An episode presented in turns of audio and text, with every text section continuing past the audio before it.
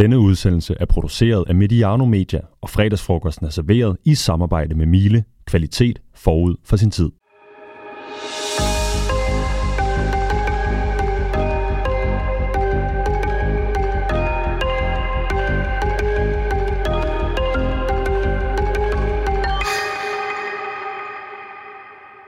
Her er fredagsfrokosten, og vi fylder rundt. Det er afsnit nummer 40, siden den første sagesløse kylling blev paneret af Hebo og Gastro Niklas i træhuset i Vandløse. Nu er frokostholdet flyttet til Glostrup og sidder i et noget mere prangende køkken med egen gourmetkok. Hebo er degraderet denne gang helt ud af programmet. Ej, han er faktisk lovligt forhindret, øh, inden nogen begynder at spekulere i podcastens transfervindue, har stået lidt for længe åbent. I stedet har vi sat forklæderne på et helt nyt hold. Det er Gastromikkel fra Miele og vores øh, gastronomiske verdensmand Sebastian Stranbury Gaspacho guruen fra Calgary. har, jeg, har jeg forsøgt at døbe dig. Ja. Var det lidt for flot? Min familie er faktisk, øh, min kanadiske del af fa- familie er fra øh, Ontario, så ge- Ontario? geografisk passer ikke helt, så det er mere Så sådan noget med omeletkongen fra Ontario. Så vi skal finde en ret, der starter med O. Er det omeletkongen, Mikkel? Kan den bruges der? Øh, Sebastian, er du, du, du er meget bekendt fra Vejle, ikke? Jo, Ja, men øh, min, jeg, har, jeg har kanadiske rødder, min far er fra Canada. ja nemlig. Og din bedste ret er? Øh, altså, min yndlingsret er en god bøf, men jeg laver en ret led carbonara. Og det, er, det, det skal vi prøve på et tidspunkt. Grunden til, at vi snakker så meget om mad her, det er, fordi Sebastian har forberedt en historie. Vi ændrer lidt konceptet øh, til hver udgave af fredagsfrokosten. Hvad er det, konceptet er, Sebastian? Jamen, jeg drømte jo for nogle år siden om at skrive fodboldens kogebog. Mm-hmm. Og der var tanken ligesom at tage, at øh, det skulle være fodboldanekdoter, som har en madret tilknyttet. Øh, vi giver et eksempel senere. Og så vil jeg fortælle anekdoten i den her kogebog, og så skulle der så være en kok, det kunne for eksempel være Mikkel, som, øh, som stod for ligesom at sige, hvad er opskriften egentlig, hvis man skal lave den her ret. Øh, og nu laver vi så en podcast ud af udgave af det, og så må vi se, når vi senere hen er blevet et lidt større medieimperium, end vi er, så udgiver vi den som kogebog. Så Sebastian og Mikkel kan være på vej med en kogebog med historier, fodboldhistorier. Hvor er vi hen i dag? Bare sådan på land? Italien og England. Okay, kombinerer det simpelthen. Ja. Øh, historien følger, øh, og jeg tror, vi gemmer også menuen, Mikkel. Gør vi ikke det? Fordi det afslører lidt for meget af, hvad historien er. Vi har evalueret vores debut i første udgave af fredagsfrokosten i de her nye rammer. Det var fantastisk mad. Alt var godt. Lytterne var glade, da vi snakkede fodbold og kærlighed i sidste afsnit, men det blev måske en lille smule for pænt. Mikkel han prøvede at være så stille som muligt over i køkkenet. En lytter skrev, at det var mere hyggeligt hjemme i det gamle køkken øh, hos redaktøren i, øh, i Vandløse, eller i Valby.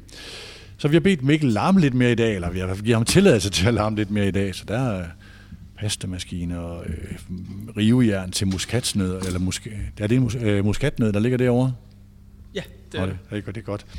Øhm, så man kan høre, at der bliver lavet mad, hvis vi snakker fodbold. Og øh, Mikkel, du er stadigvæk glad. Arsenal topper Premier League? Ja, jeg synes ikke, der er grund til at ikke at være glad i hvert fald. Nej. Det er jo sådan, øh, det, det, er- altså, hver gang der sådan forlader en Arsenal-medarbejder fra, øh, fra vores hold eller sådan noget, så kommer der, kommer der nye ind. Øh, Det, det, det, det, den her gang er det i Miele-køkkenet. Mila er en ny partner på fredagsfrokosten fra med den her sæson. Lidt mere om, øh, om dem senere. Først lidt om dagens emne. Hvor mange aftener eller dage om ugen ser vi fodbold? Og hvad bliver det så til i resten af vores levetid? Jeg kan afsløre, at jeg sådan ud fra en, en sandsynlighedsberegning har lidt mere end 10.000 aftener tilbage i min forventede rest, eller forventede restlevetid. Og hvis jeg ikke passer på, så ender jeg med at se fodbold i 5.000 af disse dejlige aftener. Er det meningen med livet? Husker vi at prioritere rigtigt? Sebastian, vi starter i køkkenet. Hvor mange aftener på en gennemsnitlig uge i sådan det, vi definerer som sæsonen, ser du fodbold?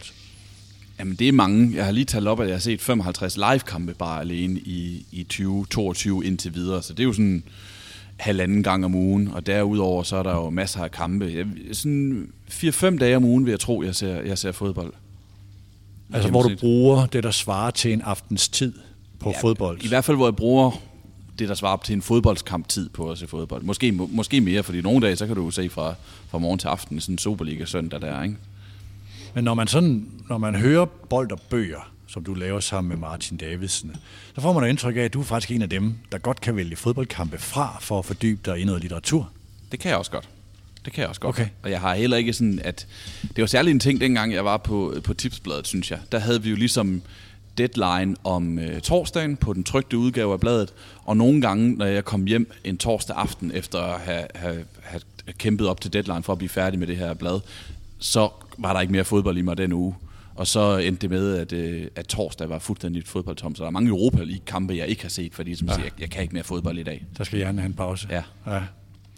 Gisse Thorsen, du ser meget fodbold. Hvor mange aftener går med fodbold i din almindelige uge? Jamen, jeg ser jo ofte mandagskampen, der starter vi, ikke? Og Champions League ser jeg ikke så meget, jo, hvis der er danske hold involveret. Øhm, og så selvfølgelig også de store kampe.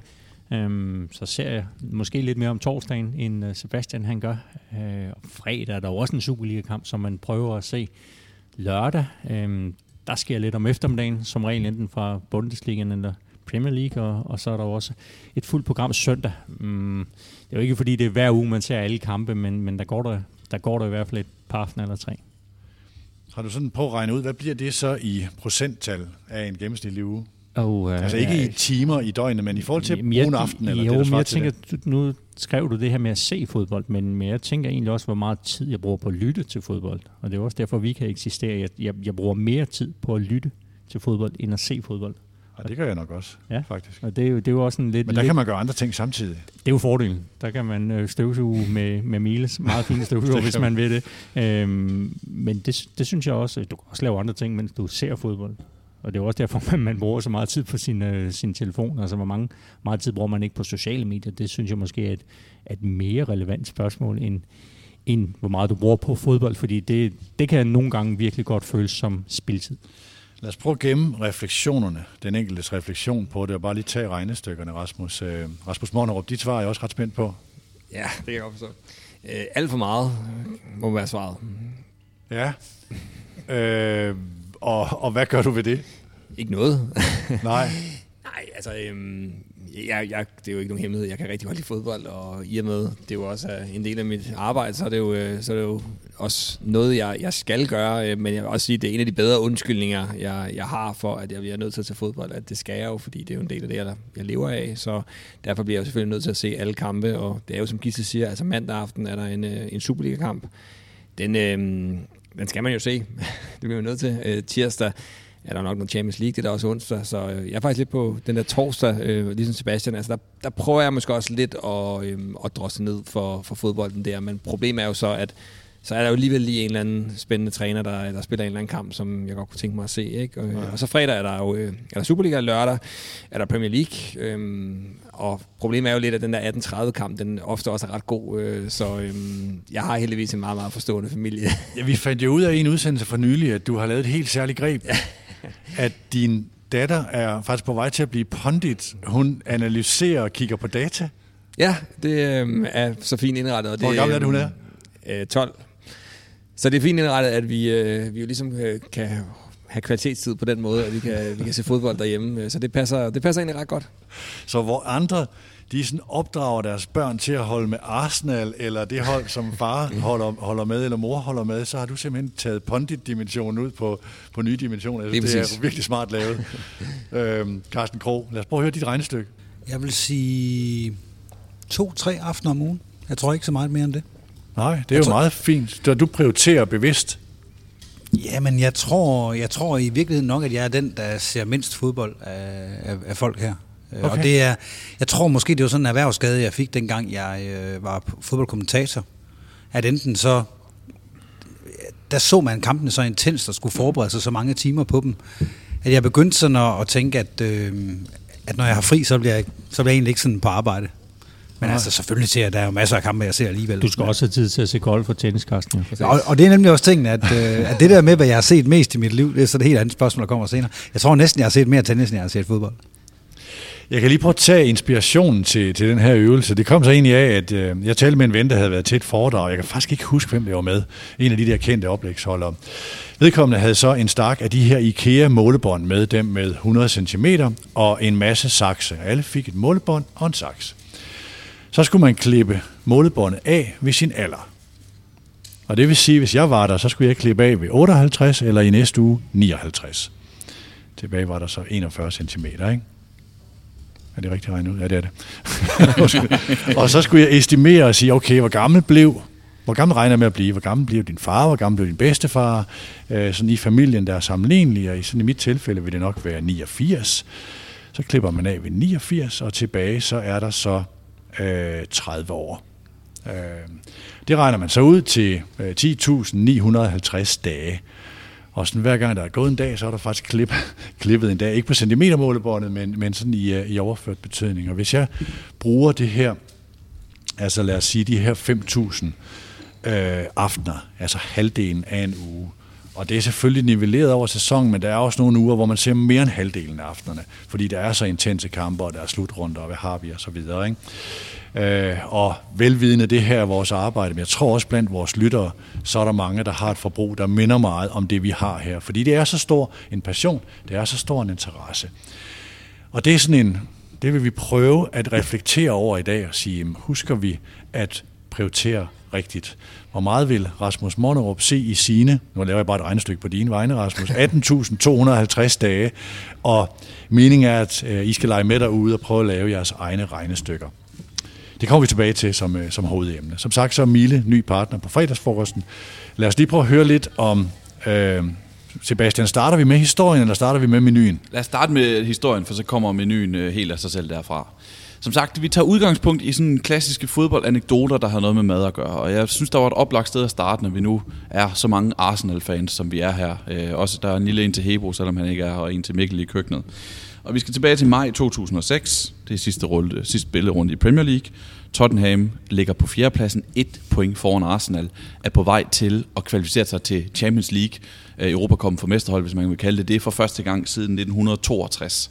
Og hvad sker der så? Aften inden kampen, så er Arsenal, eller Tottenham-spillerne er på hotel, spiser en dårlig lasagne, det vil jeg understrege, vi skal ikke have en dårlig lasagne, men vi skal have lasagne, og øh, 10 spillere bliver syge i løbet af natten. Og det var ren Ragnarok dagen efter, øh, på de, måder, som vi ikke skal gå ind i, og det var ren kaos, fordi Tottenham forsøgte at få den her, de skulle møde West Ham i sidste spillerunde på udebane, forsøgte at få den her kamp på Upton Park enten uds, uh, udsat, enten med flere dage eller med nogle timer. De ville gerne have udsat den fire timer, det kunne de ikke få lov til, så den endte med at blive spillet, og det var reelt ikke nogen, de mistede ikke spillere fra startopstillingen, uh, men de var syge, mange af de spillere, de spil, der spillede, og de ender med at tabe 2-1. Arsenal går foran, og der går yderligere fire år inden uh, Tottenham kommer i Champions League. Så, øhm, så den dyreste lasagne i fodboldhistorien? Ja, og også den mest ulækre. Altså, Callum Davenport, som spillede for Tottenham på det tidspunkt, jeg læste en artikel om det inde på The Athletic, som siger, øh, selv i dag, på grund af hvor syg jeg blev, så kan jeg stadig smage den lasagne. Og jeg har ikke rigtig haft lyst til at spise lasagne siden, hvis jeg skal være ærlig, Nej. sagde han så. Mikkel. Selvom Sheringham gjorde jo alt for at hjælpe sin tidligere klub, brænder jo et straffespark for West Ham i den kamp. Ja, men det, det var, det de havde også brug for hjælp, fordi de var, de var syge og langsomme og ufokuseret, fordi de simpelthen har ligget og kastet op hele natten. Og det skal lige siges til de lyttere, der er Tottenham-fans. Sebastian er ikke han er, han er ikke en af dem, Overhovedet ikke. der, der øh, bekender sig til, til Arsenal-klanen på, øh, på Mediano, så det er ikke derfor, den der historie er valgt. Mikkel, hvordan vil du undgå det? Jeg synes, det her ser, ser, ser, ser en lille smule mere eksklusivt ud. Hvad er det, vi skal have? Ja, vi skal have en lasagne. Øhm, og jeg skal til at rulle nogle lasagneplader ud her, og, øh, og når jeg har gjort det, så samler jeg lasagnen, og så Så det er rigtig hjemmelavet pasta? Det er fuldstændig ægte hjemmelavet pasta. Ja, selvfølgelig. Wow. Altså, det er ikke de lasagneplader, jeg køber, når jeg laver lasagne, vil lige. Ej, lige nu er de lidt tykke, men de skal lige en tur igennem maskineriet herovre, og så øh, må jeg jo bruge mine, øh, mine øh, robrøds øh, øh, muskler herovre, til lige at få dem øh, ud i en øh, lidt mere almindelig tykkelse. Og, øh, kræver det meget kraft at få dem igennem sådan en pastamaskine der? Nej, det gør det ikke. Det, gør det, ikke. Nej, okay. Øh, det kræver en lille smule øh, teknik, øh, hvis ikke man skal svine for meget med mel ud over det hele. Okay. Men øh, den, den, den burde jeg have styr på, tænker jeg. hvis, hvis man nu kommer til at smile, øh, svine med mel, er der så en måde at løse det på herude hos Mile? altså, vi, vi har jo taget Vitus med, ikke? nu, bliver det, nu, nu går de kommersielle integrationer lige lidt rigeligt. Og Niklas, du holder lige øje med, at Vinger ikke øh, kommer forbi at putte i den, den lasagne, den kommer i ovnen, ikke? Vi vil... Øh, vi vil løbende kommentere udviklingen i køkkenet, så lytterne kan følge med, også hvis de hører særlige lyde. Vi sidder også midt i en butik, eller midt i et, et showroom og en butik, så der kan være lyde, som ikke er fra os, øh, knastør fodboldmænd, men fra kunder i butikken. Her kan du høre lidt om, hvad Mile og vores samarbejde egentlig står for.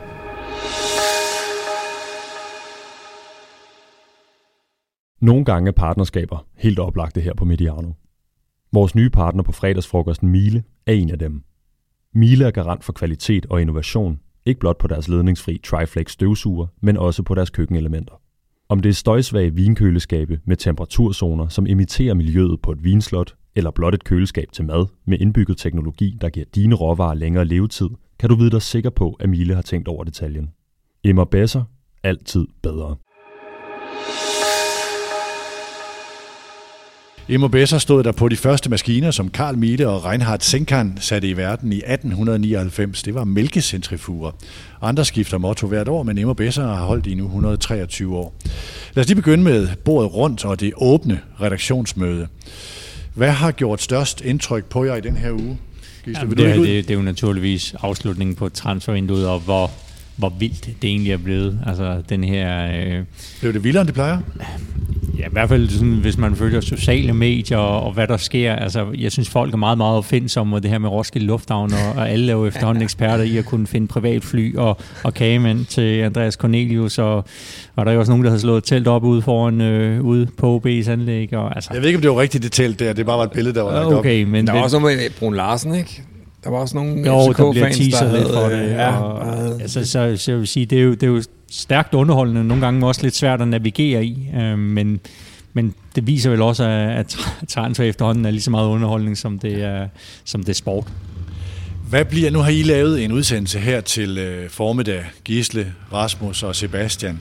Hvis I skulle trække, jeg har ikke øh, øh, har god grund hørt den nu, for den er lige blevet uploadet. Hvad, hvad har været, øh, hvilken enkelt ting omkring Superligaen vil få størst indflydelse på, det, hvordan den kommer til at forløbe? Nogen, der skal give bud på det? Ja, men det taler så lidt imod noget, en af de centrale pointer, vi havde, at vi er jo nødt til at, øh, at afvente og se, hvordan det kommer til at gå med de her spillere. Øh, fordi vi kan jo godt tale om, at Cornelius formentlig og øh, med stor sandsynlighed bliver rigtig god for FC København, men nu skal han jo lige ind og spille på, på banen først, og skal se, hvordan han kommer til at fungere det her øh, system, Jes Torp, han øh, praktiserer. Så øh, det, er jo, øh, det er jo ikke noget, vi kan svare på lige nu.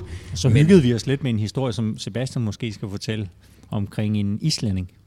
Ja, det var øh, Albert Finnbogason, som jo druknede måske Alfred, lidt i mængden. Hvad siger du? Alfred, ikke? Alfred, undskyld, ja. jeg har kaldt mig Albert hele dagen, også i mine noter og sådan noget. Han hedder Alfred Finnbogason, det har du ret i, øh, som jo går lidt under radaren, fordi at det er samme dag, som Nikolaj Wallis mm. øh, skifter, og, øh, og Cornelius bliver bekræftet, og sker der mere, og så videre, og så videre, og han har trænet med i Lyngby. Men det er jo et spiller, som var et kæmpe navn, hvis vi går et og ti eller, eller et halvt tilbage. Altså, og vi sammenligner det der med, at han bliver nummer, han bliver nummer syv på Golden Shoe kåringen i, øh, over flest, flest mål, bedste målscorer i Europa i 2014, så det er jo, det er jo et, et, han var engang et kæmpe navn og et kæmpe målscorer, som nu skal spille for, for bundholdet i Superligaen. Det er Lyngbys bud på en Wagner Love. Ja, men, men på en lidt anden måde, ikke? fordi det er, en træn, det er en spiller, som træneren kender, som de har set an på en prøvetræning. Ja, han har været længe. Han har været ja. fra, fra, fra, han, fra han, er jo, han, skal, han skal jo ikke ind og være pædagog for nogle andre islændinge. Han skal ind og score mål. Ja, ja. Det, det, det er jo forskellen. til referencen til Wagner Love, ja. Så er der, er der nogen, der tror, at mesterskabet har flyttet sig, hvor det ender hen i forhold til, hvad man troede før? Nej, altså, det, kom, det, er jo, det er jo ikke kun på transfersiden. Altså, jeg synes jo, det er fornuftigt, at det Midtjylland har fået øh, Albert Capella som træner, og det synes jeg faktisk gør, at, øh, at det godt kan blive mere spændende, end det måske ellers var blevet. Så øh, på den måde synes jeg, der, der er sket noget, men isoleret set på transfer er det jo svært, også fordi, som vi også lige talte om, da, da jeg kom, Peter, altså vi ved jo heller ikke, altså nu, lige nu er I andre stadigvæk i FC Midtjylland, men det er jo ikke sikkert, at han er det, når de andre vinduer lukker rundt omkring. Nej, nej, nej. Og det var faktisk også, hvis vi skal trække en pointe frem for vores udsendelse, der nævnte vi det igen, det her med, gigantiske selvmål, Superligaen har lavet med, at vi, øh, vi skal lukke før, øh, før alle andre ligaer. Det er jo, det er jo fuldstændig hul i hovedet. Ja, det, jeg skal sige, det er Mikkels pastamaskine, man kan høre den der øh, lyd, der, der kører igennem. Og vi talte faktisk om, Rasmus og jeg, da vi, altså inden, mens vi satte mikrofoner op og sådan noget, det her med, øh, vi, altså med Mads Bistrup som case. Altså man taler rigtig, rigtig meget om Mads Bistrup, og hvor, og hvor stor indflydelse han har på Nordsjællands spil nu. Han var der også i foråret. Er det her et billede på, hvor lang tid det egentlig tager at få en spiller godt integreret. Der er også nogle andre dimensioner omkring ham, ikke? men det er jo sådan en, det der med, altså, hvor meget kan man egentlig se af indflydelse omgående, og, øh, og hvor lang tid kommer det til at tage? Det er jo, altid en dimension med det her. Plus også det element, at det jo nogle gange også handler om, at der kan ske nogle ting i klubben, at der er nogle spillere, der kan forsvinde i et transfervindue, mm. så, så giver plads til nogle ting, og som jeg, som jeg nævnte, altså i og med, at Kofod ikke er der mere, så kan den der midtbane mm. kan også øh, spille på en lidt anden måde, end de kunne, da Kofod var der. Så nogle gange er det jo også øh, de der ting, der spiller ind i forhold til nogle spillere, der kan, der kan løfte sig. Og nu laver vi, jeg skal lige sige, i morgen en udsendelse om uh, Premier League, uh, transfervinduet der, så der vil Adam og uh, Rasmus og Thomas Pønt, ikke? Jo. Ja, lave en udsendelse der, så vi også får lukket det vindue af, som jo lukker i dag. Carsten, du har en kommentar? Jamen, jeg tænkte bare øh, i forhold til transfervinduet og hvad der sådan er sket i løbet af ugen, at jeg synes, det var værd at nævne, at øh, Christopher Olsen er vendt tilbage til FC Midtjylland. Og ham har jeg sådan lidt et specielt forhold til, fordi Christopher Olsen, da han kom til Midtjylland, øh, da han blev hentet i Arsenal i sin tid, ja. Og det var min, min gode kammerat, som fandt ham i en U21-landskamp, og tænkte, tænk, hvis man kunne hente sådan en spiller, og så spurgte de på ham. Og så viste det sig, at de, de kunne faktisk godt hente ham. Han var 20 år dengang, ikke? Jo, eller yngre. Og faktisk han var anfører på Arsenal's U19-hold. Det kan godt passe. Men øh, så kommer han så til, til Midtjylland. Jeg kan huske, at jeg er ude og se en af de allerførste kampe, hvor han er med deres øh, FCM. De spiller U19 mod uh, FCK. Så jeg ser en U19-kamp med Christopher Olsen, en af hans allerførste kampe for FCM.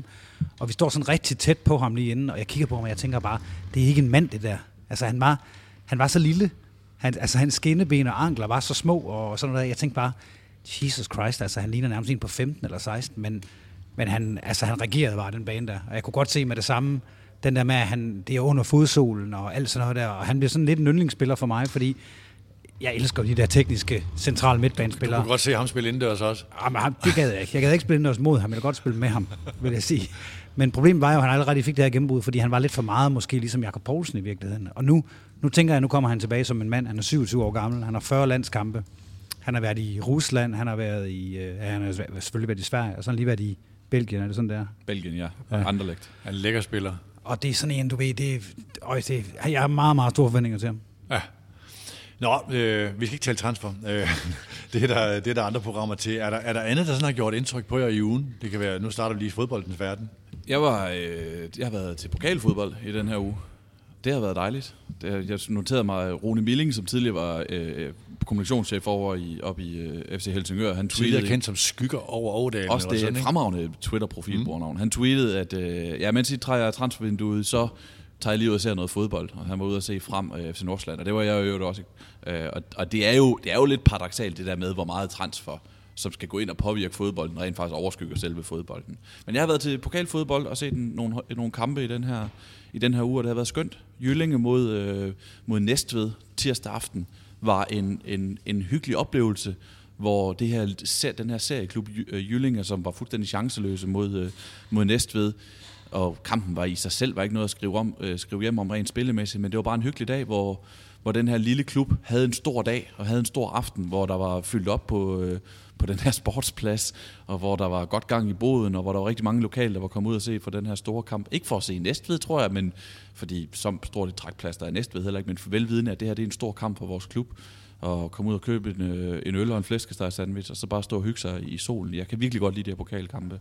Og så var jeg en, en parentes, så var jeg til FC Kulpa mod øh, FC Roskilde i, øh, i Valby Idrætspark onsdag aften, og det var, FC Kulpa spiller jo altså serie 3 fodbold. Det er en klub, der er tilknyttet øh, det juridiske fakultet på Københavns Universitet, og har en masse jurastuderende, og de kommer faktisk, har faktisk den fordel, at FC Roskildes målmand, FC Roskilde spiller i anden division, så der er en kæmpe forskel her. Øh, deres mål, Roskildes målmand bliver vist ud i første halvleg, og så kan det godt være, at den her forskel bliver udgivet en lille smule mellem, øh, mellem Roskilde og, og, og et serie 3-hold så får øh, Kulpa så laver sig selv to straffespark og får et rødt kort i anden halvleg, de taber 3-0. Så. Og gav det drama, mand. ja, virkelig, og de jurastuderende skulle måske have læst lidt bedre op på, på lovreglerne, inden de, inden de begyndte at lave så mange straffespark. Nu er det ikke, fordi jeg skal afde sådan Sebastians privatliv. Du har lige solgt din lejlighed og flyttet sammen med din kæreste, ikke? Ja, det er korrekt. Øhm, er der nogle tip til lytterne, hvordan man får, altså, altså, ser så meget fodbold? At bevare øh, familiedyllen? Jamen, det er jo skåret ned. Altså, det, det, det, det, det må jeg jo sige, fordi... Og nu får, du bare, nu får du bare lige om lidt, så kan jeg love dig at det bliver skåret helt væk. Ja, det, det, det er nok rigtigt. Jeg, skal, altså, jeg havde faktisk en god kammerat, som sagde, apropos det der, sørg for at få set de anden divisionskampe, du har brug for. øh, altså, det er jo skåret ned, fordi nu siger jeg, har set 55 i, i år. Øh, I 2019, tror jeg det var, der så jeg 109 øh, live fodboldkampe. Det var også mit vildeste år. Så, så det er jo skåret ned, men... Øh, hun er sikkert glad for at slippe for mange gange. Jeg synes, det er, det er dejligt at få FC Kulpa med i, med, med fredagsfrokost, det er vi glade for. Er der andet sådan øh, fra, øh, eventuelt for noget fra, man har oplevet sådan i medierne, eller noget, der er sådan uden for banerne? Der gjort noget, der taler, taler lidt ind i det her emne, det var, det var en, faktisk en podcast, jeg hørte, Brinkmanns Brix, mm. som, som, jeg gerne vil, som jeg gerne vil anbefale med Per Schultz Jørgensen. En samtale med, med ham. Han er jo en, en meget vis mand at høre på, men han er jo, han er jo syg og ved at tage afsked, og øh, det er jo en, øh, det er en dyb samtale om øh, livet og, og det, der skal ske bagefter. Okay. Og hvad er der en konklusion, sådan en livsvisdom, visdom, som du tager med dig fra? Ja, men han har jo skrevet øh, den her bog Vendepunkter, øh, og jeg kan jo se, de skriver også i teksten det her med, skal man forsone sig med sig selv for at kunne tage afsked med sit liv i fred og ro? Eller ro og fred, spørgsmålstegn. Ja. Øh, så det, er, det, det taler i hvert fald lige ind i, i det her, så når I har hørt den her udsendelse, så gå over på, på DR og lyt til Svend Brinkmann og, og Per Schultz Jørgensen. Og en lidt lettere genre, må man, kan man så roligt sige, øhm, så har vi jo talt med rigtig meget om, øh, om sådan Twitter og sociale medier og sådan det her lidt negative, der godt nogle gange kan, kan opstå. Men det er jo også et herligt sted.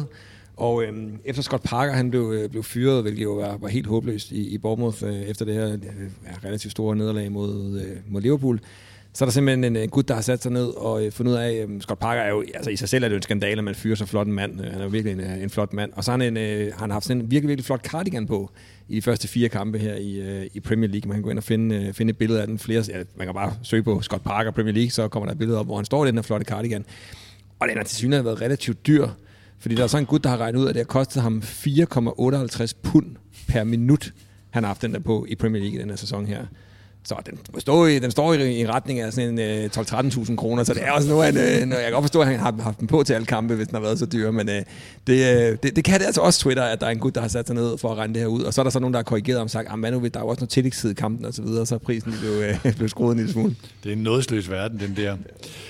Øh, fra vores egen verden kan jeg jo lige sige, nu er, øh, var vi inde på de her transferudsendelser. Der kommer sådan en række udsendelser igennem øh, september, hvor vi tager i øh, hvor vi tager igennem de her ligaer øh, og runder La Liga, Serie A, Bundesligaen og så videre. Vi laver i alt øh, otte transfer specials igennem efteråret med, med Mastercard som, øh, som vores nye partner. Og så har vi også fået en, et nyt samarbejde i gang på det taktiske værksted. Øh, det kommer der lidt mere om, hvem det er, men det indebærer, øh, det indebærer 10 afsnit op til, øh, op til VM. Så nu har vi endelig en direkte partner på, øh, på Players Lounge og det taktiske værksted. Det er Miego øh, på Players Lounge, øh, og øh, jeg så kan sige, den, den hedder Nordstat. Lad os bare sige det, det er fordi, det er en stor hemmelighed. Nordstat, som laver kundepaneler, og hvor man som øh, bruger, øh, hvis man svarer på, hvad virksomhederne gerne vil have svar på i sådan nogle gallopagtige øh, analyser her, så kan man tjene penge, mens man venter på, øh, venter på toget eller bussen. Øh, og de har særligt kig på unge mænd. De er svære at få ind i de her kundepaneler. Dem har Mediano jo mange af. Så Rasmus, du skal skubbe nogen, der skal over og tjene nogle penge, over til Nordstat, svare på nogle spørgsmål, og så laver vi masser af, af, af taktiske værksteder. Har du det første på plads? Ja, ja altså jeg, jeg har faktisk de første fire på plads. Øh, okay. Problemet er lidt, øh, er faktisk vanvittigt nok min kalender, øh, der, der skal gå op. Okay. Fordi, øh, der er okay. aftaler med, ja det er både noget, ja nogle af, de positive overraskelser i Superligaen, både noget Horsens og noget FC Nordsjælland, og, og også en, øh, en Spanier i, øh, i det midtjyske. Du nåede aldrig for lavet Bo Henriksen. Eller vest, vestjysk er det vel. Du har vel Albert Capellas højt op der, eller skal vi lige se ham spille nogle kampe først? Ja, men det er ham, der, der er højt op. Nu nåede vi jo ikke, nu nåede, Bo han nåede simpelthen ikke. Den blev, den blev desværre udskudt, og så øh, var han pludselig uden job, så var det svært at lave den. Det kunne vel være interessant at lave stadigvæk. Ja, det kunne det bestemt. Altså, hvad var det, du ville med spillet, og hvordan ser du holdets udvikling? Så kan man lave men det er ikke meget, han har udtalt sig den gode, gode men Nej, det er øh, rigtigt. Det kan, det kan der jo lave sammen på. Det er rigtigt. Jeg tror, der er noget på vej der. Øh, jeg har jo noget, jeg godt lige vil vende med, øh, med jer lyttere, som er sådan, øh, nu tager jeg lige afsæt noget af det, vi laver over på Podimo, hvor vi har lavet formaterne Super og Allan og Diego, og nu er det, vi laver, er fodbold var bedre i 90'erne og kongerækken. Og øh, der skete det, at da vi øh, lavet de her formater om, og vi så siger, nu kommer der ikke mere Allan, nu kommer der ikke mere Diego, så er der en, faktisk forholdsvis mange mennesker, der stak næsen frem og siger, kommer der ikke noget Allan, kommer der ikke noget Diego, det var så godt. Og hvor jeg sådan tænker, jamen det er jo super ærgerligt at komme og sige det nu, fordi altså, de, de bliver jo lukket, fordi der er for få lyttere. Der var for mange aktuelle formater, og derfor laver vi nu den, der er kommet ud i dag, som er øh, øh, kongerækken. Det er på, på The Non-Flying Dutchman, Dennis Bergkamp. Øhm, og det, der er egentlig sådan bare, altså det handler ikke kun om Mediano eller Podimo, men alle mulige podcasts. Hvis du kan lide en podcast derude, så gå ud og sig det højt. Fordi det er, en, det, er en, det er en svær verden at lave forretning i, i noget, som ofte er gratis tilgængeligt. Øh, så, så hvis, altså, jeg er daglig bruger af Genstart, den er selvfølgelig gratis, fordi, eller gratis, jeg betaler min, øh, min licens til Danmarks Radio, det gør jeg jo med glæde, men jeg fortæller om det, øh, både her og alle mulige andre steder, for hvis Genstart har lyttere nok, så findes Genstart også næste år. Og derfor er det vigtigt, at, at hvad skal man sige, tilkendegive de formater, man godt kan lide. Og det var sådan lidt pussy altså oplevelse, det her med, jamen, vi følte jo, at vi havde lavet striptease i mørke, mere eller mindre, og altså omkring, omkring Allan og Diego. Det var tæske godt indhold, men det var for få, der fandt frem til det. Øh, og så kom der en masse frem, da vi lukkede det, og det er sådan lidt for sent. Så, så hvis man kan lide i det her tilfælde, fodbold var bedre i 90'erne, eller, eller, eller, eller fodboldets kongerække, så har vi haft sus med brug for, at man siger, prøv lige at gå over og lytte til det der. Lige nu er kongerækken gratis tilgængeligt i Mediano 2, den er gratis tilgængeligt i Podimos feed, og vi har er fire episoder nu af, af Fodbold var bedre i 90'erne, der ligger også i Mediano 2. Ikke ude endnu. De kommer, nej, nej, altså, de kommer, altså, der er en ude nu, og så kommer der de, de følgende tre uger. Øh, der er gang i Aarhus Mikkel. Øh, og det er ikke fordi, man skal gøre det her, det er bare sådan en, det er lidt sent at komme bagefter og sige, at noget var virkelig, virkelig godt, fordi det, det, så, så kan løbet være kørt. Øh, vi har også lukket nogle formater, fordi, og vi har lukket kanaler, fordi der ikke var, der ikke var lyttere nok i det. Øh, så fordi, og det er ikke fordi, det alting handler om lytter, men så kan vi ikke lave forretning på det, så kan vi ikke give medarbejderne penge for at lave det. Så simpelt er det øh, noget af det her. Nå. Og det kunne godt være en generel opfordring. Det er jo noget, vi er rigtig gode til at påpege, når nogle ting er dårlige, og ikke så gode til at påpege, når nogle, ting er, er gode. Altså, vi kan jo også selv kigge ind af, øh, når vi, når vi snakker udsendelser og sådan nogle ting. Det er jo så det negative, vi ofte lige hiver frem og siger, det skal også være bedre. Når man er fodboldtræner, så er det også ofte det, at ah, vi lavede også den og den og den fejl. Ikke? Så øhm, det, er, det er sådan en ting, som, som er generelt. Så jeg synes, det er meget, god, øh, meget godt nogle gange lige at blive husket på det, også at rose. Det kunne også være en, en, en barn, pædagog eller lærer eller ja, lignende, som gør et godt stykke arbejde i stedet for øh, altid at, øh, at fokusere på det negative. Ja.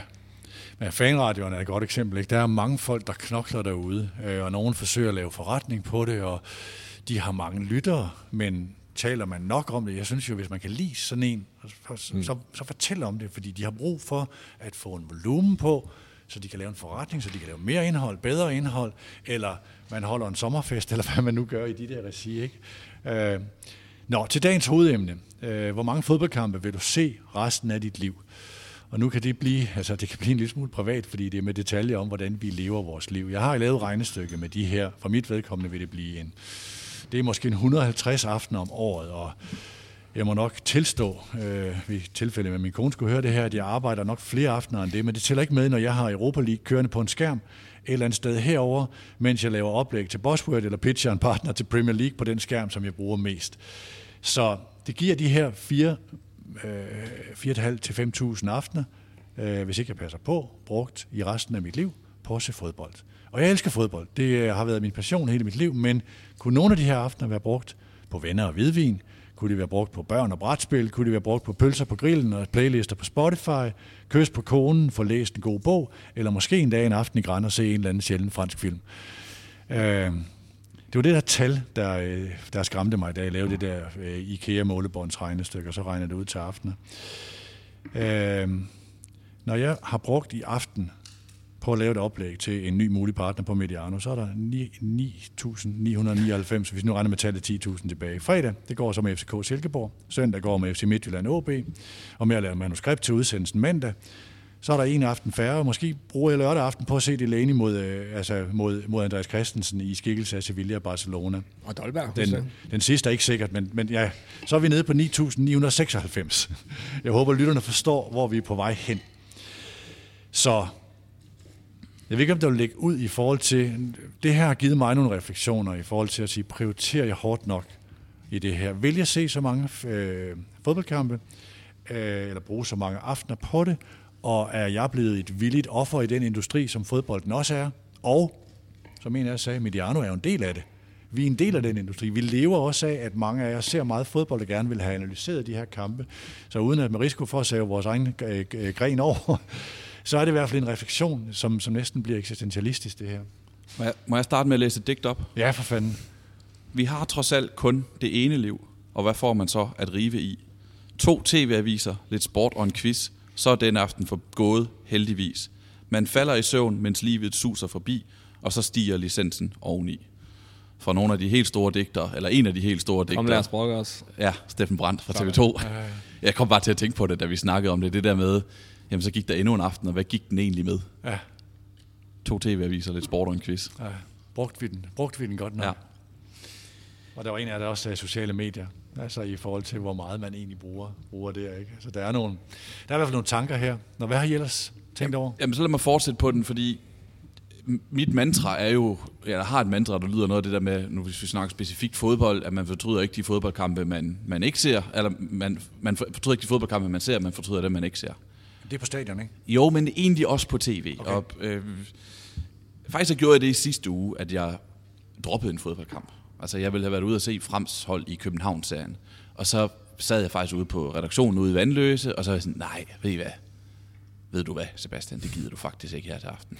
Så jeg tog hjem og brugte aften sammen med min kæreste i stedet for. Og det var jeg glad for, at jeg gjorde. Men omvendt, i weekenden, så, havde jeg, så sad jeg lørdag eftermiddag og tænkte, jeg skal se lige se noget Premier League. Og så så jeg og tænkte, hvad skal jeg så se? Jeg spurgte faktisk Pynt, og han, skulle, altså, han, der var lidt dårligt til at svare på sms'en, men han ville anbefale. Jeg skulle have spurgt dig, Rasmus. øh, og så tænkte jeg, jeg ser City. Jeg vil godt se Holland. Og så tændte jeg for den kamp og så Crystal Palace's fremragende første halvleg og Joachim Andersens mål.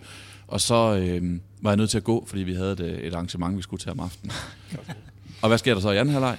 Erling Haaland laver, laver tre mål. Og det var, det var det, jeg havde tændt for kampen. Mm. Så det er også det der med alle de fodboldkampe, man ser. Og det er et emne, vi går op i, og det er et emne, der gør os, eller det er et, noget, vi går op i, og noget, der gør os glade for, som vi nyder at se. Jamen, så kommer man også glip af noget. Altså, så går man glip af nogle store øjeblikke, hvis man ikke ser det. Ja. Og et øjeblik, jeg kom til at tænke på, det var en gang, hvor du og jeg, Peter, faktisk var til den samme koncert. Vi var inde og se øh, Springsteen i parken. Var det sidste, han var i Danmark? I 2016? Var det senest, han var i Danmark? Og der var det også. Passer det, godt, ja. Jeg kan huske efterfølgende, at du og jeg vi havde en kort snak om det jeg, på de sociale medier, hvor du sagde, at Point Blank var på top 3 over de bedste Springsteen-øjeblikke, du har set.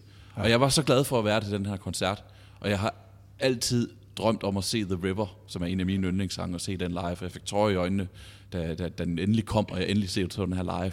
Men der var også EM den aften. Så jeg kan huske, at Island slog Østrig og gik videre fra puljen på et mål ja. i tillægstiden og Irland gik videre ved at slå Italien, og det var Zlatans sidste slutrundekamp. Der var jeg. Og, altså med i Paris. Jamen, du var der. Altså, I var til Springsteen, jeg var i Paris. Og øh, Ungarn, og, øh, Ungarn fik 3-3 mod Portugal, og Cristiano lavede, lavede tre, øh, tre, to mål, og det ene af dem var med hælen og sådan noget. Og jeg ville ikke have fravalgt Springsteen, men jeg var godt nok lidt ærgerlig at gå glip af de fodboldkampe. Så man går også bare glip af nogle oplevelser, men, hvis man bruger men du vil gøre det på samme måde igen, ikke? Jo, det vil jeg. Jeg vil se ja. Springsteen. Men jeg var også ærgerlig over at gå glip af de kampe. Altså, jeg ikke tit, fordi så, så tit gør jeg det heller ikke, men øh, min kone og jeg holder meget af at gå, gå ud og se musik. Øh, og når man sådan sidder, og ofte er det jo samtidig med, nogle gange sågar store kampe, men hvor jeg så ikke er involveret i udsendelsen dagen efter. Øh, og jeg nyder det næsten altid, uanset hvor vild den fodboldkamp har været, fordi jeg gør noget andet. Øh, fordi det er en eller anden berigelse, jeg kan sige. Øh, Kashmir dog undtaget. Øh, der var simpelthen så helt horribelt dårlig lyd. Øh, men, men altså, det der med at gøre noget andet, det, det er i hvert fald sjældent. Jeg fortryder det. Altså, i går aftes, vi havde huset fuld af gæster fra, øh, fra, fra Washington, og grill på terrassen, og Budweiser over det hele, og transfervinduet bimlede og bamlede, og de havde små børn, der gik klokken, øh, klokken 10, og så kunne jeg begynde at sætte mig ned og læse op på, hvad der egentlig skete i transfervinduet. Jeg savnede da ingenting øh, af, at jeg ikke havde fulgt med. Vi havde haft en pragtfuld aften med, øh, med, med rigtig gode venner. Øh, og det var sådan, en, sådan et eksempel på at sige, hvornår fortryder man egentlig, at man ikke forbruger fodbold. Jeg synes, det er sjældent, at de gange, der sker noget andet.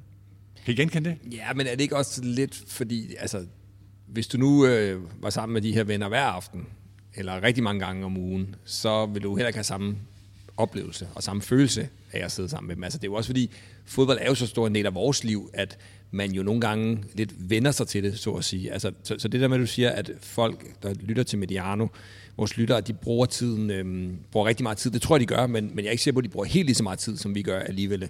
Og de vælger jo måske også nogle ting ud, hvor de ja, siger, okay... Så er de på en klub, eller så er de på en liga, lige hvor præcis. vi er ja, på, på det hele.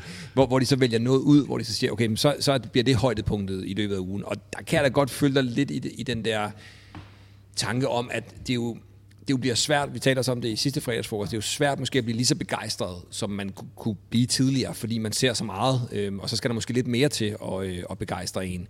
Men jeg synes jo, det handler lidt om, om sådan, fordi det er jo en del af vores, vores liv, og så bliver det jo sådan lidt, jamen, så øh, er det, bliver det normalen, så at sige, at vi ser øh, alle de her, de her fodboldkampe.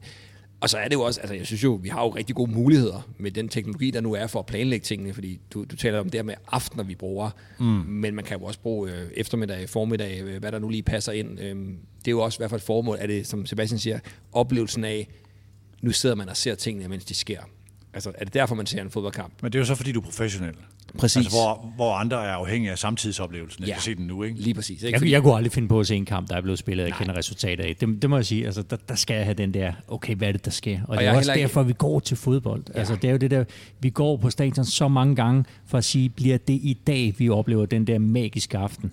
Øh, og det bliver det nok ikke. Og de 99 gange, der, der bliver det sådan lidt, okay, det var en, i går så en normal fodboldkamp, men så kommer der jo det der ene øjeblik, hvor vi siger, okay, det var det hele værd. Og, og og det er jo helt, helt enig. Altså, jeg er heller ikke god til det, hvis det er for oplevelsens skyld, men så skal det jo netop være, hvis det er nogle ting, som Peter siger, noget professionelt, man sidder og kigger efter. Så kan man sagtens se den på, på bagkant. Men det er jo klart, når jeg sad i går og alligevel måtte, måtte lige øh, hæve stemmen i, i stuen, da, da Holland øh, han, øh, han hakker endnu et hat ind. Altså, det gør man jo ikke, hvis man ved det. Altså, det, der er det jo den der umiddelbare oplevelse. Det er jo det, man leder efter.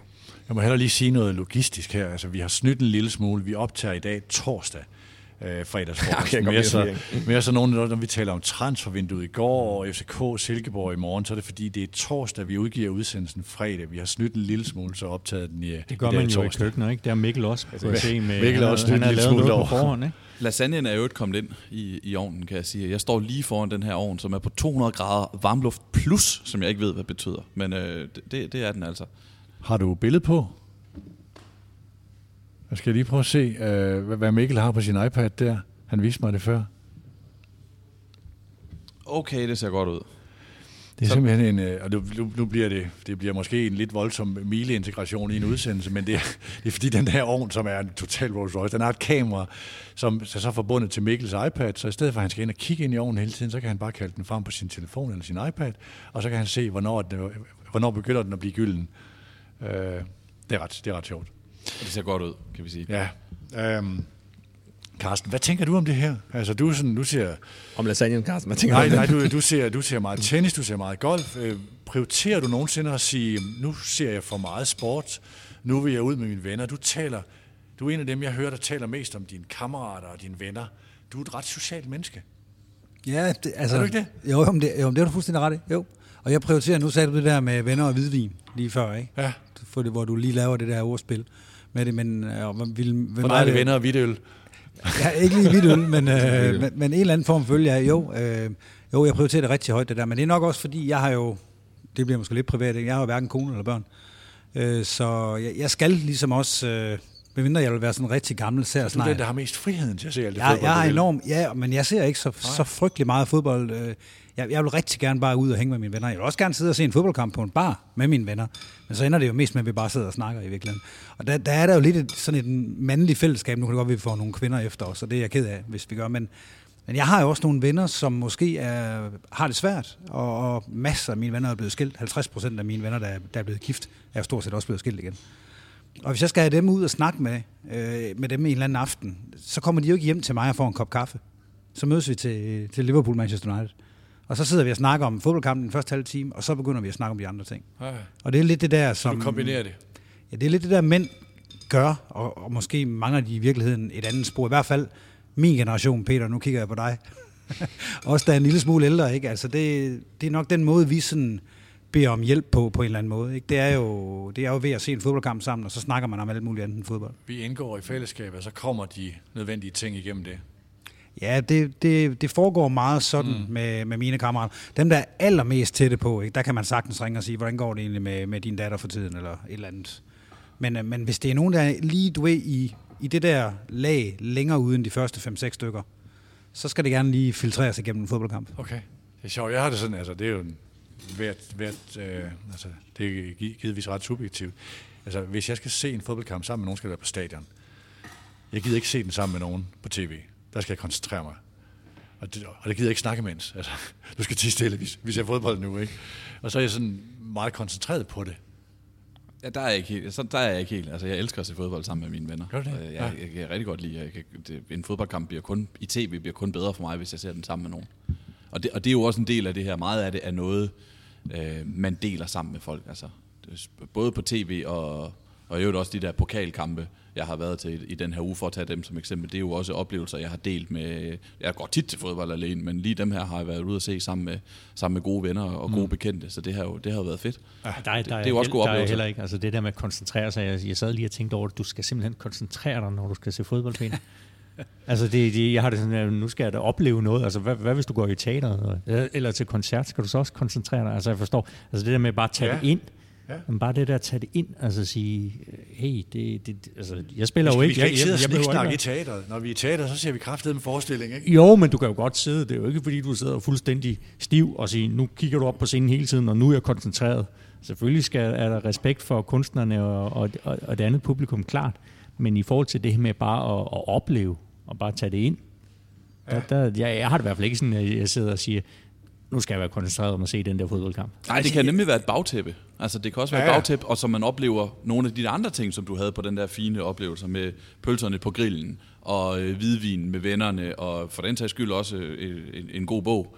Øh, og så finder man ud af dagen efter, når man hører Monderup snakke om det i Premier League Special, og så gud, jeg har faktisk ikke rigtig set den der fodboldkamp. Men det gjorde ikke noget, for jeg fik noget af stemningen fra den. Øh, men, øh, men, men, og jeg fik nogle gode andre gode sådan, stunder imens. Altså, jeg kan sagtens følge Peter med den der med, med, med koncert. Nu har jeg lige været til, til fire dages festival. Og når der er sådan en rigtig, rigtig fed koncert, så skal man simpelthen lade være med at tage sin telefon frem. Altså, det skal man bare. Man skal, man skal stå der en time Men det er jo noget eller halvanden. i momentet, ikke? Jo, man skal stå der en time eller halvanden med en øl i hånden, og så skal man stå og kigge på ham der, artisten. For det var, det var mig, en mand med en guitar til den festival, jeg var Det var til, tynder. det, var, det var en mand med en guitar, rigtig meget, ikke? Men der havde folk jo heller ikke mobil, altså de har jo fastne telefoner med, Carsten, det publikum der, ikke? Der er jo en anden aldersgruppe. Det er godt nok mange vidigheder om tønder her omkring bordet, så det skulle jeg ikke have sagt. Men, øh, men jeg vil sige sådan, til koncert forstår jeg da godt, Peter, der synes jeg, og biograf også fuldstændig, altså det er 100% øh, på, på, på filmen. Ja, men når jeg men ser når du sidder fodbold, men jeg ser fodbold med mine venner, altså det er all over the place, og det ender i politik og, og alt muligt mærkeligt, og, og kvinder og alkohol og film, og hvad ved jeg, man snakker om alt muligt andet. Om det, er, det, er, det er jo fuldstændig rigtigt, at man kan godt have en, altså lad os sige, der er en eller anden stor familiefest midt under en slutrunde, og Danmark spiller. Øh, så jeg har da også haft de der oplevelser, hvor den, den er derinde, og så når det begynder at blive spændende, så samles flere og flere mennesker ind omkring skærmen, men den er, som, som du siger, Sebastian, så er den en bagtæppe for en social begivenhed. Det, det kan jeg jo sagtens genkende. Øhm, det er jo mere sådan, altså den der med, at hvis, Øh, Øh, jeg har nogle gode venner, som holder med et, med et dansk hold, og hvis vi så skulle, så kunne man jo godt sige, nu skal vi se den sammen og spise, øh, og sådan og sådan. Det, det, det vil jeg aldrig tage initiativ til, fordi hvis jeg skulle se den der kamp, så, er jeg sådan, så, så fordyber jeg mig i den, ikke? Øh, og det er nok fordi, jeg sådan, det kan være noget generationsmæssigt i forhold til, hvad man egentlig kan. Altså, jeg, har ikke, altså, jeg tror ikke meget på multitaske på den måde i forhold til, altså, det- det er all in på det, du nu gør. Jeg tror bare- det er Jeg tror bare netop, fordi vi ser så meget fodbold, som jeg gør, eller jeg, nu kan jeg tale for mig selv, fordi jeg ser så meget fodbold, som jeg gør, så er det okay, at jeg ikke ser alle kampe intenst 45 gange 2 minutter, eller 2 gange 45 minutter. Og det kommer også an på, hvad du skal bruge det til. Ja. Ja. Fordi, altså, altså, jeg kan godt faktisk følge dig lidt, Peter. Øh, Det kommer også an på, hvem, og nu skal jeg ikke øh, sidde og nævne nogen her, men det kommer an på, hvem man ser det med. Fordi der kan jo også godt være sådan nogle irriterende typer, som virkelig taler rigtig meget, og, øh, og bare skal sige det stille, når man ser en fodboldkamp med dem. Ikke? Øh, ingen nævn, ingen glemt. Er det derfor, men, du satte din datter til Præcis. det der data? Nej, dog ikke. Men, men, men der ligger jo netop det i det, at man kan godt have oplevelsen, synes jeg, som Sebastian. Altså, det kan jeg også godt, altså blandt andet, når, når landsholdet spiller. Altså, så kan jeg godt have oplevelsen, hvor jeg, jeg ser det med venner og familie, for at få den der oplevelse, og få det der fællesskab. Og så måske bagefter lige sidde og sige, okay, der var lige en, der snakkede lidt meget lige der. Jeg, jeg tror lige, jeg sætter mig ind og ser øh, de, der, øh, de der små detaljer, hvis det, hvis det nu er det, der er tilfældet. Så det kommer også an på, hvad er sådan formålet med, med at, øh, at se kampen? Øhm, og så er det jo, altså, det er jo også forskelligt, hvad, hvad folk de øh, får ud af at se en, øh, en, en fodboldkamp. Og det er faktisk noget af det, som, som jeg nogle gange godt kan synes, kan være en lille smule irriterende, at folk gerne vil snakke, hvis folk ved, jeg laver Mediano, eller kender mig og gerne vil snakke fodbold, så bliver jeg sådan lidt, jamen, I har jo også en mening. Altså, det, jeres mening er jo lige så god som min. Altså, vi, vi selvfølgelig ved, jeg jo nogle andre ting, hvis vi går sådan ned og, og nørder spillet, men det der med, at øh, nå, men, øh, er det spændende, det der sker i Arsenal i øjeblikket? Der kan jeg godt lide, at folk har deres egen holdning til det, og siger, jamen, øh, synes du, det er spændende? Og så bliver folk sådan jamen, det ved jeg da ikke. Hvad, hvad synes du? jamen, det, det, kan godt være, jeg synes noget, men det kan I høre på en podcast. Nu vil jeg gerne høre, hvad du synes. Altså, der, der kan jeg godt lide det der med, at fodbold er jo for alle, og derfor mm. skal det jo også være, som du siger, Gisle, man skal jo have lov til at se det, som man nogle gange har lyst til. Er nogen af jer, der har tænkt over det her med, at øh, grund til, at vi så taler om det her, hvor fodbolden er fordelt så meget ud, er jo en del af, hvor stor en industri fodbolden er blevet, hvor både vi, vores lyttere, er, er kunder i den industri. Øh, at vi bliver ofre for det, sådan man gerne vil have det til at se ud, at vi skal ende med at se fodbold rigtig, rigtig mange dage, skråstrej aftener. Jamen, det er jo klart, det er, men, men jeg, jeg tænkte lidt over det her, Morten Brun talte om i, i den podcast Andre Sider, hvor han taler om Superligaen som den her serielle fortælling, at sige, nu skal jeg se et nyt afsnit i, i den her sæbeopera, som vi kalder Superligaen, hvilke, hvor vi har nogle aktører og se, hvordan udvikler det sig. Øh, det, nu ligger kampene jo ikke længere på, på samme dag, som de måske gjorde i højere grad i fortiden. Så det er da klart, de handler der, de fodbold konkurrerer med Netflix og HBO og, og hvad jeg, og, og der kan man sige, ja, vi ser nok i gåsøjne for meget fodbold, men så er der andre, der måske ser for mange serier, i stedet for at lave nogle af de andre ting. Ja. Der var en eller anden, var det Ancelotti, der sagde, jeg er sikker på, at Sebastian han øh, korrekser mig lige om lidt, og det er helt okay. Der var en eller anden gammel italiener, som sagde engang, at fodbold er det vigtigste i verden, næst efter alt det, der virkelig er vigtigt. Ja, det tror jeg faktisk var Ancelotti. Og, og, og, ham, ja. og det synes jeg er de ikke vigtige ting. Mm-hmm. Det er jo et super godt citat, det der, ikke? Fordi fodbold er jo, det er jo utrolig vigtigt, at Lazio de slår Roma. Men det er ikke vigtigt i forhold til, ved, om min, øh, om, om min bror, han, han bliver syg. Eller sådan et eller andet. Det, det er jo meget, meget, meget vigtigere. Nå, det, jeg er fuldstændig enig, og det, det var jo den, der virkelig kom i spil med Christian Eriksen. Altså, det var jo der, hvor der blev det jo så øhm, markant, fordi der var det jo netop i, i kampen. Altså, det var der, hvor vi sagde, nu er det det allervigtigste, at Danmark får en god start på den her slutrunde. Og det blev, jeg undskyld, men det blev fucking ligegyldigt, da Christian Eriksen lå der.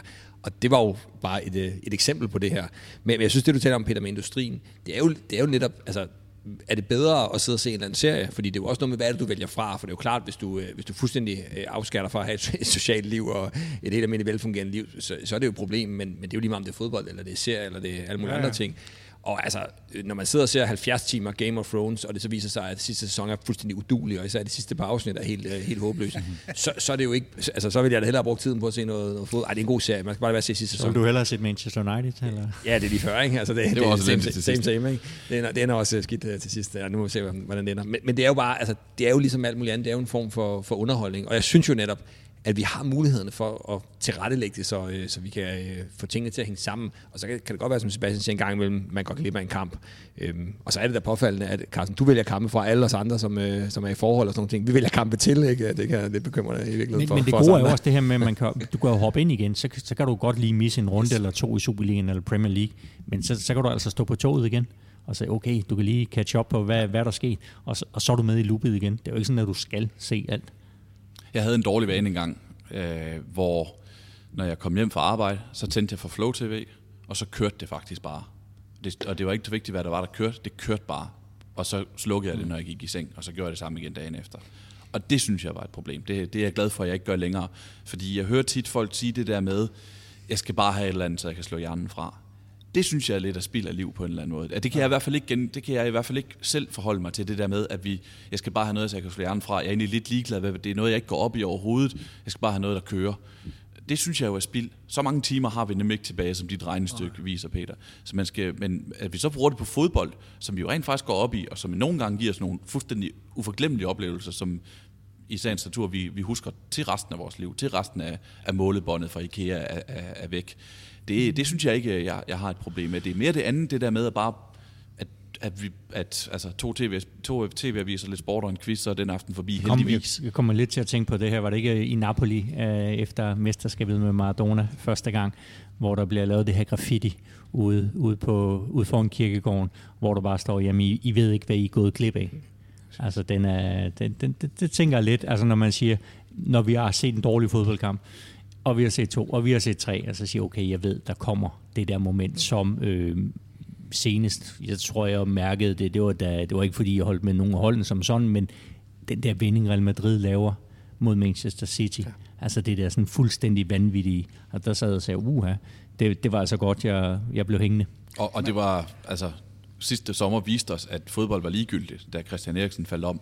Og kæft, hvor var det sjovt bagefter, da Danmark så øh, for det første spillede fremragende mod Belgien, og tævede Rusland, og tog til Amsterdam og bare holdt den største fest i hele verden. Ej, jeg morede mig. Det, det virker også, at ret mange andre gjort. Altså, man kan godt lidt ondt af de mennesker, der ikke går op i fodbold. ja, altså det er jo, jeg sidder sådan og parallelt tænker på, øh, det er den der, ja, det kan godt være, det ikke øh, hører hjemme her, men den der lemmingeting med, vi gør ting, som industrien vil have os til. Det her er fodbold, men du kan også sige Netflix. Har du set den serie? Hvad for en serie skal vi se nu? Hvad skal vi binge i dag? Og sådan noget, eller den her weekend. Ikke? Så gør vi ting, som industrien vil have os til. Det er nogle ret store industrier, det her. Streamingindustrien, fodboldindustrien. Du kan sådan set også sige, øh, jeg har nogle gange, også med min egen familie, sidder man på en restaurant, Italien, kan vi sige, det er ved Komosøen eller sådan noget, ikke? så sidder to ud af fire, eller tre ud af fire med en smartphone i hånden på en eller anden bjergside til noget af det smukkeste sted i hele Europa. Ikke? Ej, det er opdragelse, Peter. Hvorfor noget? Det er opdragelsen, eller kan med det, kan godt Nå, men høre. ellers så kigger du over på en anden familie, okay, som nok. sidder det samme sted, og siger, hvor mange sidder egentlig i det her moment og kigger ned i en telefon, i stedet for at kigge ud på Comosøen. Ikke? Og det er jo noget, som, det er jo ikke fordi, det er ondsindede mennesker. Smartphone er til for at løse en masse problemer, og vi har tusind sange i, øh, i vores lomme, som, øh, som Steve Jobs sagde, ikke? og alt hvad vi kan med de her ting. Men det der har, og, og jeg, altså som medianomand, er jeg jo glad for, at vi kan se kampene alle sammen, fordi de ligger fordelt, som de gør, så vi lever jo også igennem industrien. Vores, vi behøver ikke have seks eksperter, eller 12 eksperter, to til hver Superliga-kamp. Det vil blive ret dyrt øh, for os at, øh, at gøre det, så vi profiterer også af det, så jeg forstår mig ret. Men der er bare et element af lemminger i det her. I forhold til industrierne vil have os til at binge serier, vil have os til at se mange fodboldkampe, og vil have os til at gå hen ad gaden med den her telefon i hånden, så vi kan t- se en masse Instagram-annoncer. Øh, det er jo det, som industrien vil have os til, ikke? Og det, der betyder, det er, at vi er meget, meget lidt nærværende i, i øh, sociale relationer, eller vi, vi er i hvert fald mindre nærværende i sociale relationer. Og det synes jeg, det her indgår i.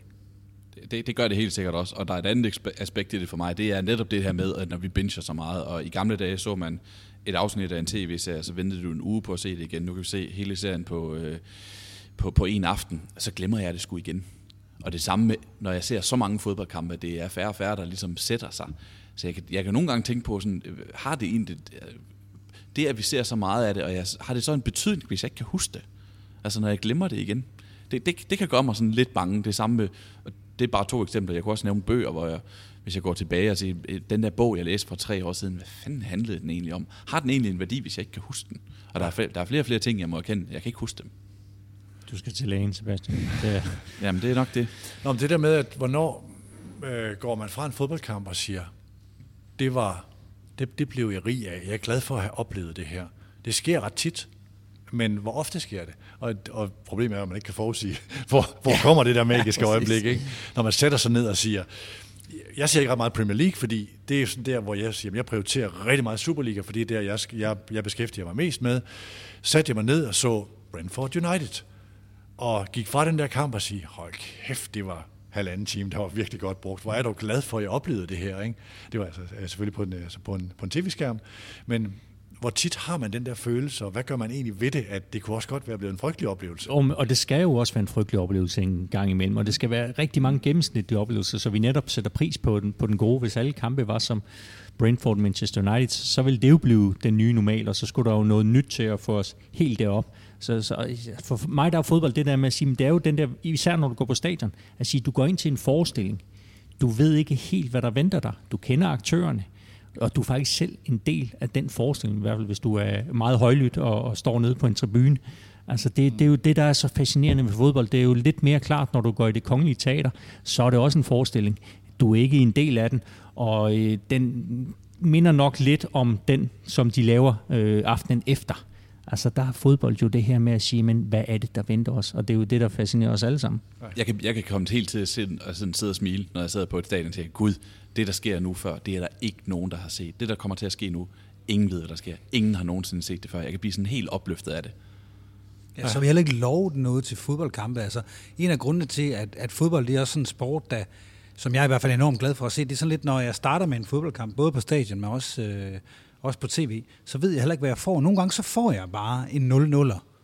Og, og sådan er det bare. Og, og jeg kan godt nyde en 0-0-kamp, øh, lidt på samme måde som, som Rasmus. Rasmus kan helt sikkert se nogle lidt andre aspekter end mig. Men jeg kan også godt sidde og tænke, hvor er de gode til at lukke af for hinanden. Og det kan jeg godt sidde og nyde en god defensiv præstation i en kamp.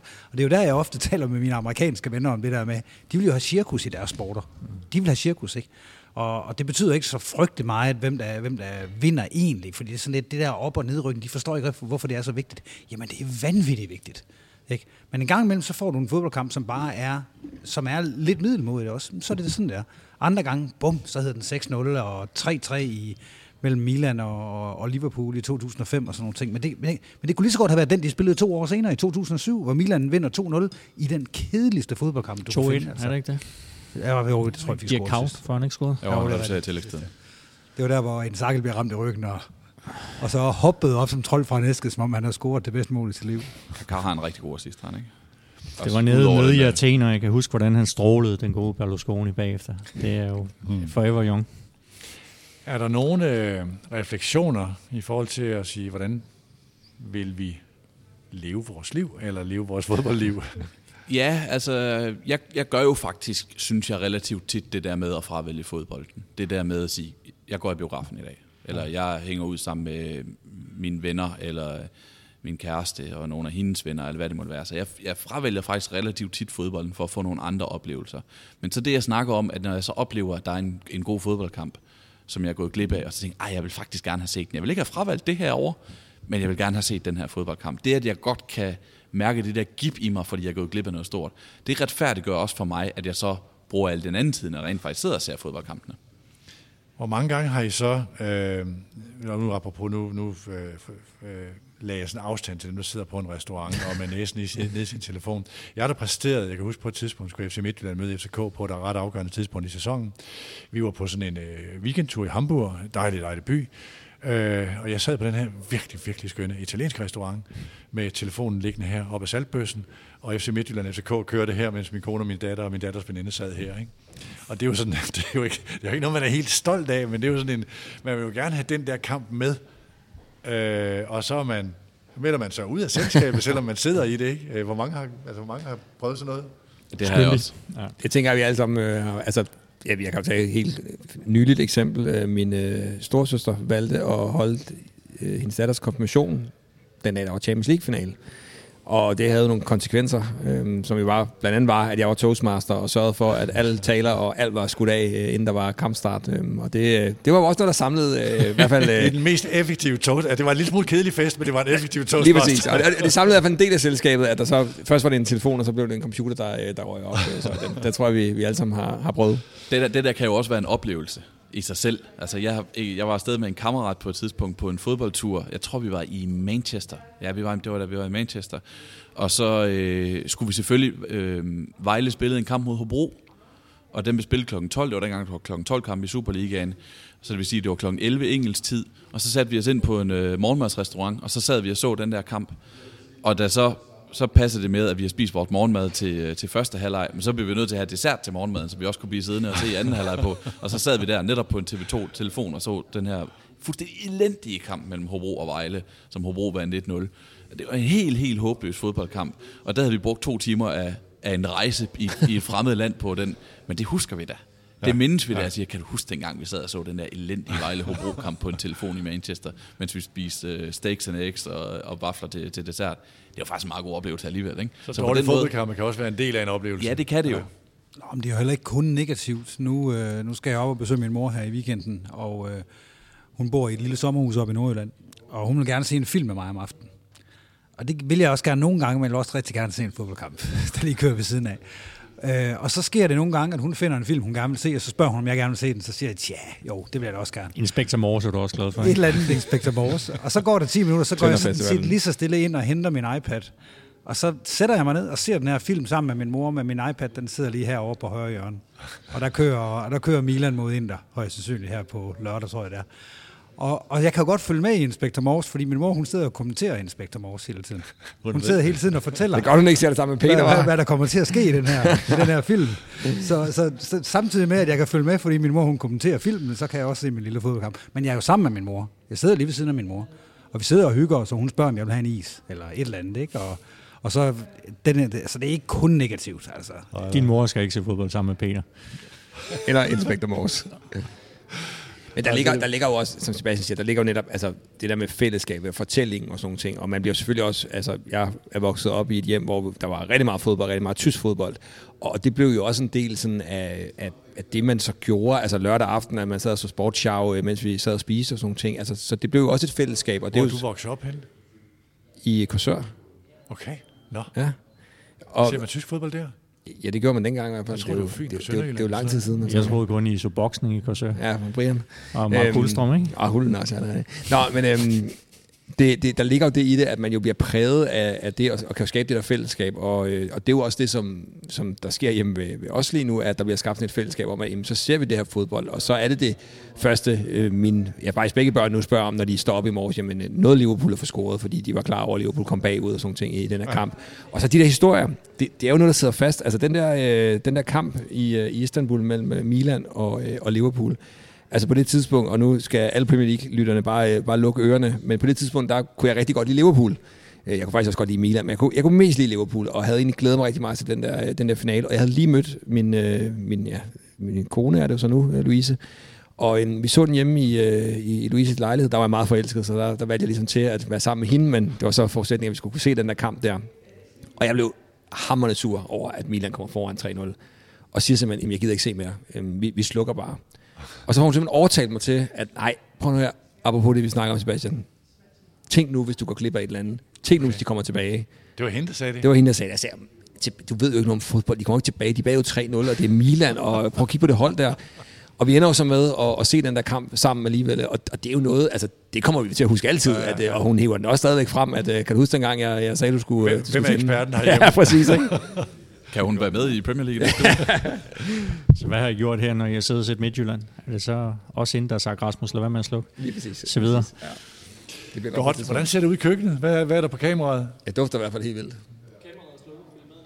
Den er simpelthen færdig? Ja, det er Sebastian, hvad, øh, først Mikkel, øh, hvor meget fik du egentlig at hjælpe Sebastian med forklædet? Han øh, stod og Han har mest snakket, han ikke Han så rigtig nydelig ud i hvert fald. Ja. Jeg prøvede sådan at, at, at lægge løgene lidt hen i nærheden af ham, men det var som om han ikke rigtig fangede... Øh, Sebastian, hvad siger du til... Ser det godt ud? Ja, det, det, det ser godt ud, og det dufter rigtig dejligt. Det, der, der står lasagne, så er der jo altså også en lækker tomatsalat. Øh, Mikkel synes, at øh, du og jeg har kommunikeret lidt om det på forhånd. Du synes, at jeg laver lige en salat, øh, tomatsalat ved siden af. Det, det kommer jeg jo ikke til at brokke mig over. Altså, det, var godt. Ja. Har I talt om noget, et land til næste uge? Eller et næste udgave, det er om to uger? Ja, det bliver jo ikke... Jeg tror ikke, vi kører så meget på landet. Vi kører mere på anekdoter, men jeg har faktisk... Øh, jeg har, vi har ikke talt om det, men jeg har en, øh, en idé i baghovedet. Det handler lidt om, hvor vi skal være henne. Okay, og det er i Aarhus, kan jeg sige, i Miles showroom der. Her håber vi at have hele vores jyske styrke med. Adam Møller Kumar, vores internationale højborg i Hobro og Stanis Elsborg og det kosmopolitiske udsyn fra Bredballe. Øh, jeg tror også, både Sebastian og, øh, og Mikkel tager, øh, tager, tager med på turen. Emnet det har vi ikke fundet på endnu. Jeg vil sige tak til panelet. Vi skal have gang i lasagne. Tak til dig, der har lyttet. Tak til Mille. Det er måske for tidligt at sige tak til Mikkel, men lad os sige, at vi rigtig glæder os til det her. Vi er til fredagsfrokost om torsdagen. Vi høres ved.